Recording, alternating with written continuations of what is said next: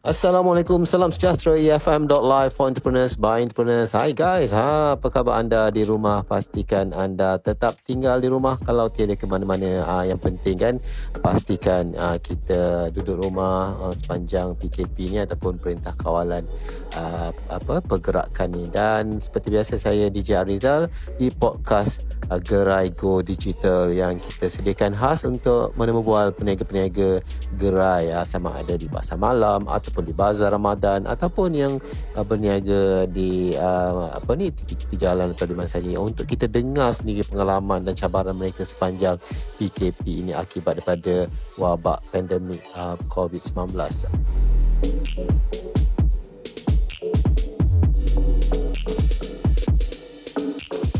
Alright dan bersama saya hari ini seorang lagi uh, peniaga yang saya akan temu bual di talian iaitu Puan Rosmaliza binti Muhammad daripada Liza's Biryani. Apa khabar Puan Rosmaliza?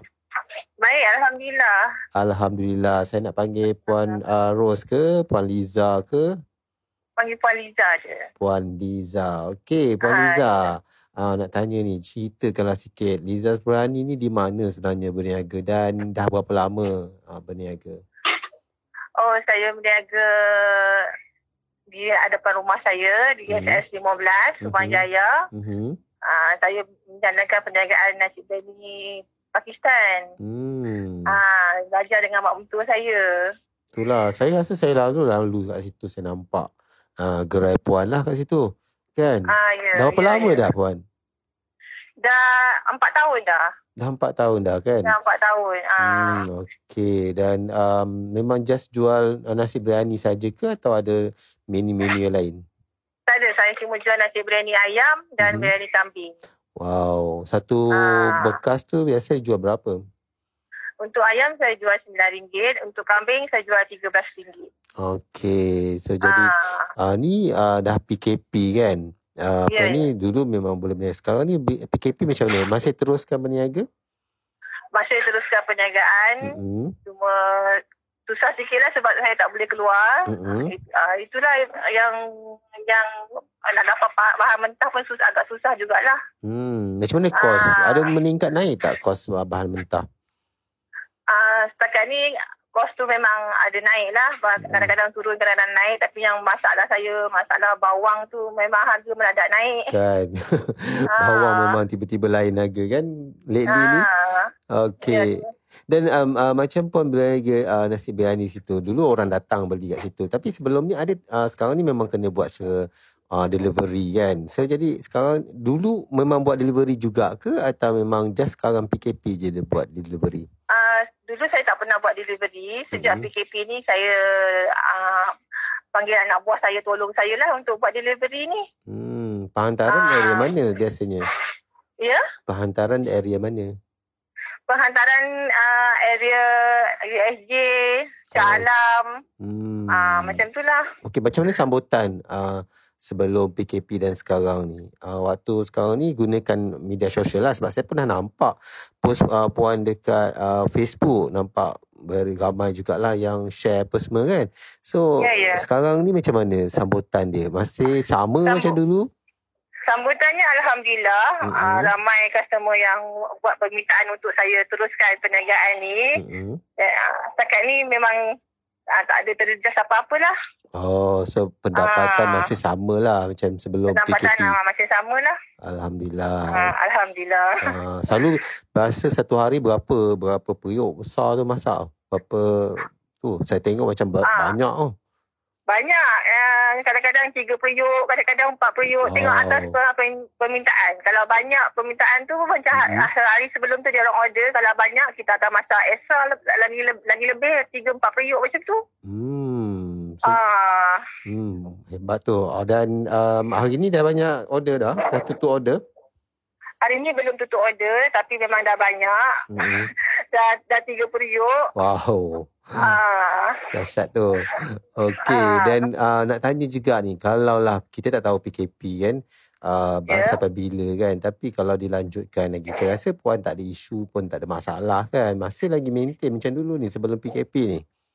Ya, kita setakat ni saya memang uh, tak ada masalah. Tapi nasib baik saya ada menggunakan media sosial. Mm-hmm. uh, uh, untuk apa dia kita maklumkan kepada uh, uh, inilah uh, hmm. pelanggan kami. Hmm. So saya sebab saya tengok pun media sosial uh, yang puan guna pun sejak sebelum PKP lagi dah puan memang tak apa memang gunakan media sosial ni sebagai satu alat uh, yang ya, penting yeah, yeah. kan? Ah ya ya. Hmm okey ah. puan tahu tentang projek EFM Iftar Box yang mana Radio EFM uh, inisiatif uh, untuk membantu ramai peniaga-peniaga gerai kan dan puan salah seorang daripada apa ni peniaga yang dijemput lah untuk menyertai EFM Iftar Box ni. Apa pandangan puan tentang uh, projek EFM ni? Uh, projek ni untuk saya sangat berfaedah, sangat bagus uh-huh. uh, kepada kami uh, untuk uh, peniaga kecil. Uh-huh. Uh, kami boleh mendapat tips, panduan hmm. kongsi maklumat. Hmm. Jadi memudahkan kerja kami lah.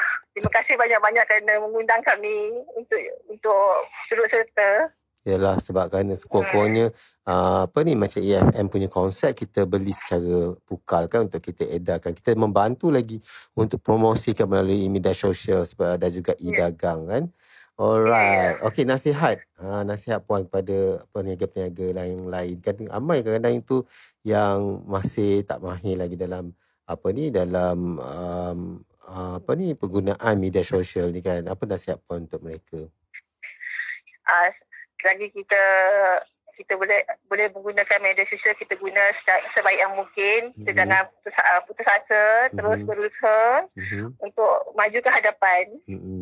Berapa orang pekerja uh, ni puan Setakat ni saya sebab cuti sekolah, anak-anak semua ada di rumah. Mm-hmm. Saya, saya anak-anak saya semua tolong kami, saya tak ada ambil pekerja. Oh, okay. uh, anak saya empat orang, dia orang tolonglah sama-sama buat kerja. Hmm, memang semua uh, semua tolong-menolong kat rumah senang tolong kan? Tolong-menolong kat rumah. Anak-anak saya semua yang yang pergi kolej pun semua ada kat rumah sempat balik. Alhamdulillah. Uh, kami gotong royong lah ramai-ramai. Ha, jadi apa ni senang ha. satu bumbung kan jadi tak perlu ha.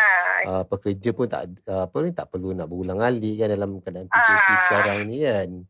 Ah ya ya. Alright. Okey dan kalau lah ada pendengar-pendengar EFM nak order uh, apa nasi biryani ni macam mana mereka nak order ni puan?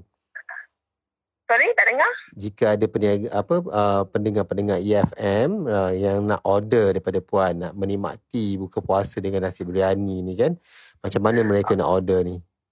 Uh, mereka uh, boleh hubungi saya terus. Uh, mm-hmm. Nombor telefon saya 012-399-7104 ataupun boleh tag saya di Facebook Usmaliza Muhammad. Mm-hmm. Uh, boleh order. Kena satu hari awal order. ke?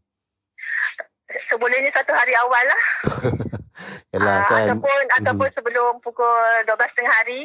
Hmm. Uh, boleh WhatsApp saya. Delivery buat pukul berapa ni? Delivery pukul 3.30 orang dah datang pack, uh, kita mula pack, uh, pack. Mm-hmm. lepas tu anak saya anak buah saya akan edar dalam pukul 4 petang macam tu I see okay, uh, okay. jadi uh, sam- sempatlah sampai sebelum buka puasa kan ya insyaAllah. Uh, ni musim hujan, uh, hujan sekarang ni macam mana? Uh, kesat berkesan uh, apa terkesan ke? Setakat ni Alhamdulillah sebab hmm. hujan pun uh, sekejap-sekejap. Hmm. tak berterusan. Uh, tak, tak, ada, tak ada masalah jugalah. Bolehlah hantar kan? Uh, kalau, boleh hantar lah hmm, insyaAllah. Uh. kan janji uh, apa ni?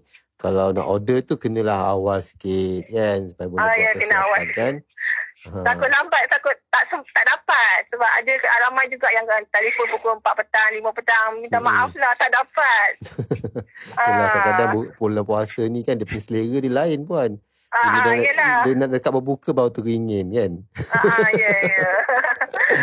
Alright, okay. Terima kasih pada Puan uh, di atas uh, perkongsian tersebut, Puan Liza. Uh, kita doakan supaya puan bisnes Puan Liza dan juga Liza Briani ni dan keluarga terus maju insya-Allah. Dan kita juga do- doakanlah supaya apa ni COVID-19 ni akan berakhir dengan segera dan PKP ni ditamatkan kan supaya kita boleh hidup seperti biasa kan? Ya ya ya amin insya-Allah. Amin. Alright. Okey, terima kasih Puan. Dan untuk makluman semua, EFM Iftar Box ini juga turut mendapat perhatian dan sumbangan daripada usahawan-usahawan dan orang persorangan yang membeli pek-pek makanan uh, untuk disumbangkan kepada golongan memerlukan seperti rumah anak yatim, asnaf dan sebagainya.